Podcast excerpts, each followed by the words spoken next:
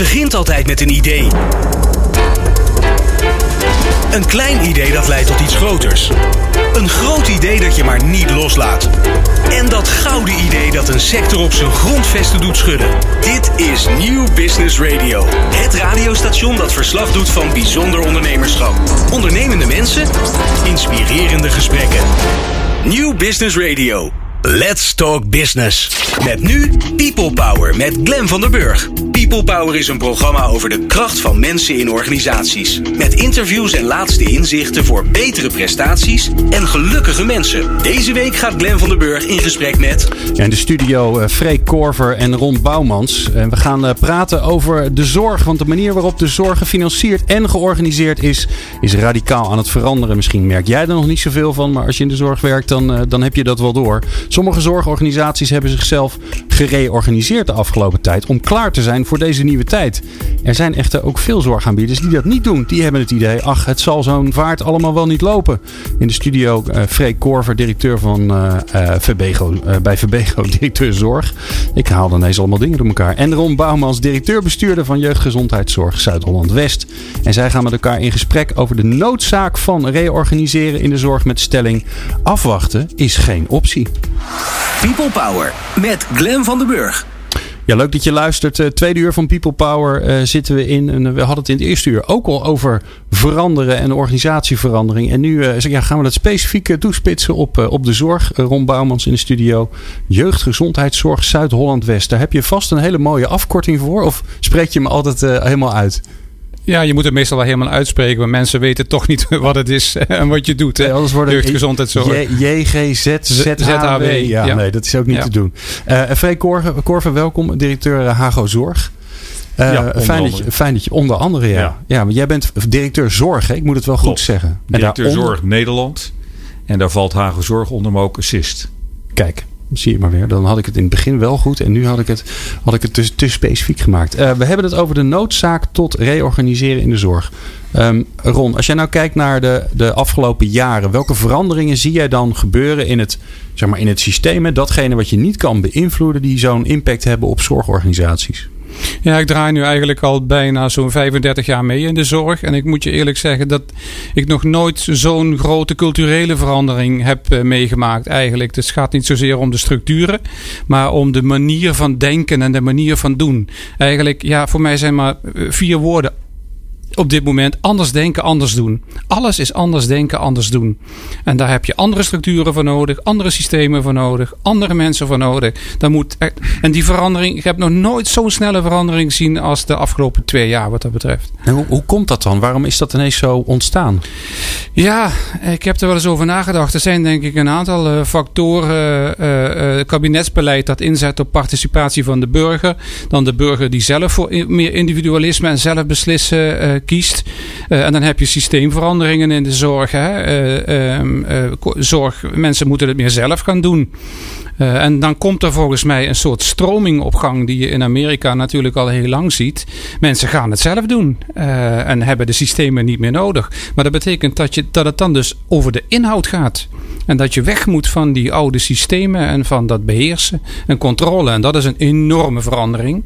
Um, en daar komen weinig organisaties uit los eigenlijk op dit moment. Ja, Freek, uh, jij uh, ja. werkt ook al heel lang in deze sector. Ja, dat wat, wat, wat, heb jij zien gebeuren? Nou, ik uh, ben het met Ron eens. Je ziet dat de afgelopen jaren het echt heel snel is gegaan. waar in het verleden vaak nog wel instellingen door een beetje te duiken konden overleven. Omdat zeg maar daarna nou ja, systemen wel weer zich herstelden. Zie je dat dat nu echt in één keer anders is. En dat er op een hele andere manier nagedacht moet worden. En je ziet wel, dat zien wij vanuit uh, zeg maar onze positie, dat heel veel organisaties echt aan het worstelen zijn over hoe ze dat op een goede manier handen en voeten kunnen geven. Dat, dat betekent dat je, ja, ik, ik noem het wel eens het heruitvinden van, van, uh, van de instellingen die er nu zijn. Maar vooral het loslaten van hoe het was. Ja. En dat loslaten, dat is echt een, een heidens karwei om dat voor elkaar te krijgen. En als je nou, ik wil even bij, bij waarom dit nou gebeurd is, ja. want dan, dan snappen we het denk ik met elkaar ook beter. Als je nou één verandering of één keuze die gemaakt is moet aanwijzen, wat je zegt van ja, maar dat heeft heel veel in gang gezet waardoor het, waardoor het niet meer terug kan. Ehm, ja, dat vind ik lastig om één ding aan te wijzen. Wat naar mij voor een hele belangrijke ron- eh, rol speelt. Eh, Ron gaf het aan dat de positie van de cliënt of patiënt de afgelopen jaren significant anders geworden is. En dat de informatie die ze hebben en tot zich kunnen krijgen, waar vroeger zeg maar, de gezondheidszorg een soort black box was. Waar iedereen van nou ja, daar moet je aan overleveren en eh, het komt wel goed. Dat dat gewoon heel anders geworden is. En dat mensen er anders naar kijken. Eh, dat er kritischer eh, gekeken wordt. Dat ehm, nou ja, zeg maar de ivoren toren waar de zorg in zat, dat is wel afgebroken. Ja. En dat, dat gaat ook nooit meer terugkomen. Ja, nou, nou zeggen wij eigenlijk in deze uitzending, hè, de stelling is, eh, dus moet er wat gebeuren. Hè? Afwachten Ja. is geen optie. Wat gaat er dan nu mis? Dus dus als, hè, stel je voor, we doen niks. Ja. eh, Of organisaties doen niks. Wat wat gaat er dan mis bij die organisatie? Nou, ik denk dat veel organisaties niet zullen gaan overleven. Dat heeft te maken dan wel met de financiële positie, dan wel eh, de combinatie dat er gewoon klanten niet meer kiezen voor dat soort type organisaties. Ehm, ik denk dat organisaties niet in de gaten hebben dat er hele andere bewegingen gaan ontstaan, die, waardoor ze links en rechts gepasseerd worden. En als, denk niet in de laatste plaats, dat ook zeg maar, eh, de arbeidsmarkt, eh, medewerkers ook zullen gaan kijken van wat zijn de organisaties waar ik wil werken. Ehm, want ook dat is iets wat een rol speelt. De arbeidsmarkt eh, is behoorlijk eh, krap aan het worden in de zorg. En eh, er komt een hele nieuwe generatie aan die ook niet meer zit te wachten op de oude instituten. Waar ze zeg maar nog niet eens een iPhone mogen vasthouden, want dan worden ze al op de vingers getikt, zeg maar. Ja. Herkenbaar, Ron Bouwmans? Ja, zijn dit de dingen? Ja, ja. Kijk, de, de zorg die was van oudsher natuurlijk heel erg aanbodgericht eh, eh, georganiseerd. Hè. Dokters en verpleegkundigen zeiden, komt u maar naar ons toe, wij weten wel wat goed voor u is. Ja.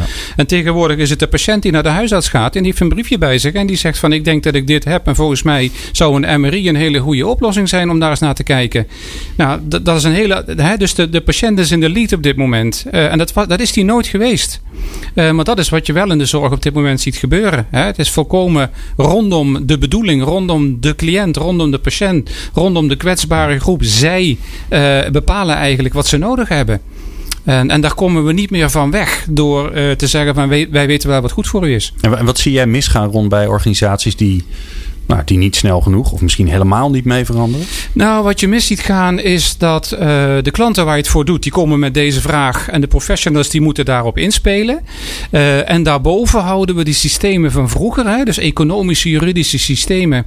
Die bedoeld waren voor de registratie en voor de bekostiging en voor de verantwoording. Die houden we eh, angstvallig in stand. Want oh, anders verliezen we helemaal de controle op, op het systeem.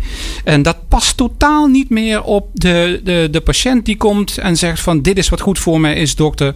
Dus laten we die kant op gaan. Ja, eh, we leven in een tijd dat we volledig naar vertrouwen moeten en weg van controle en beheersing.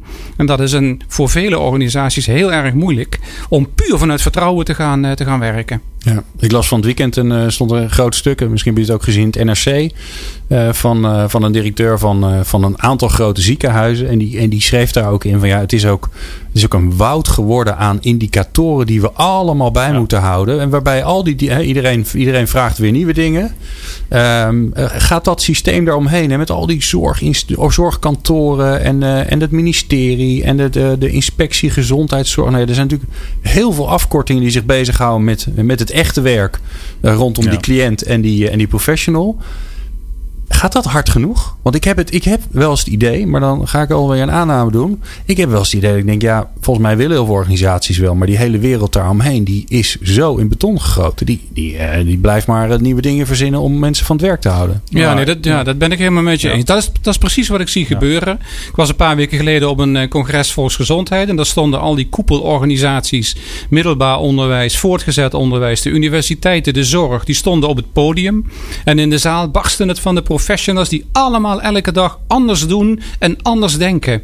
En toen de presentator vroeg aan die koepelorganisaties: hoe gaan jullie nu in de verbinding om samen een aanbod op de formatietafel van het kabinet neer te leggen?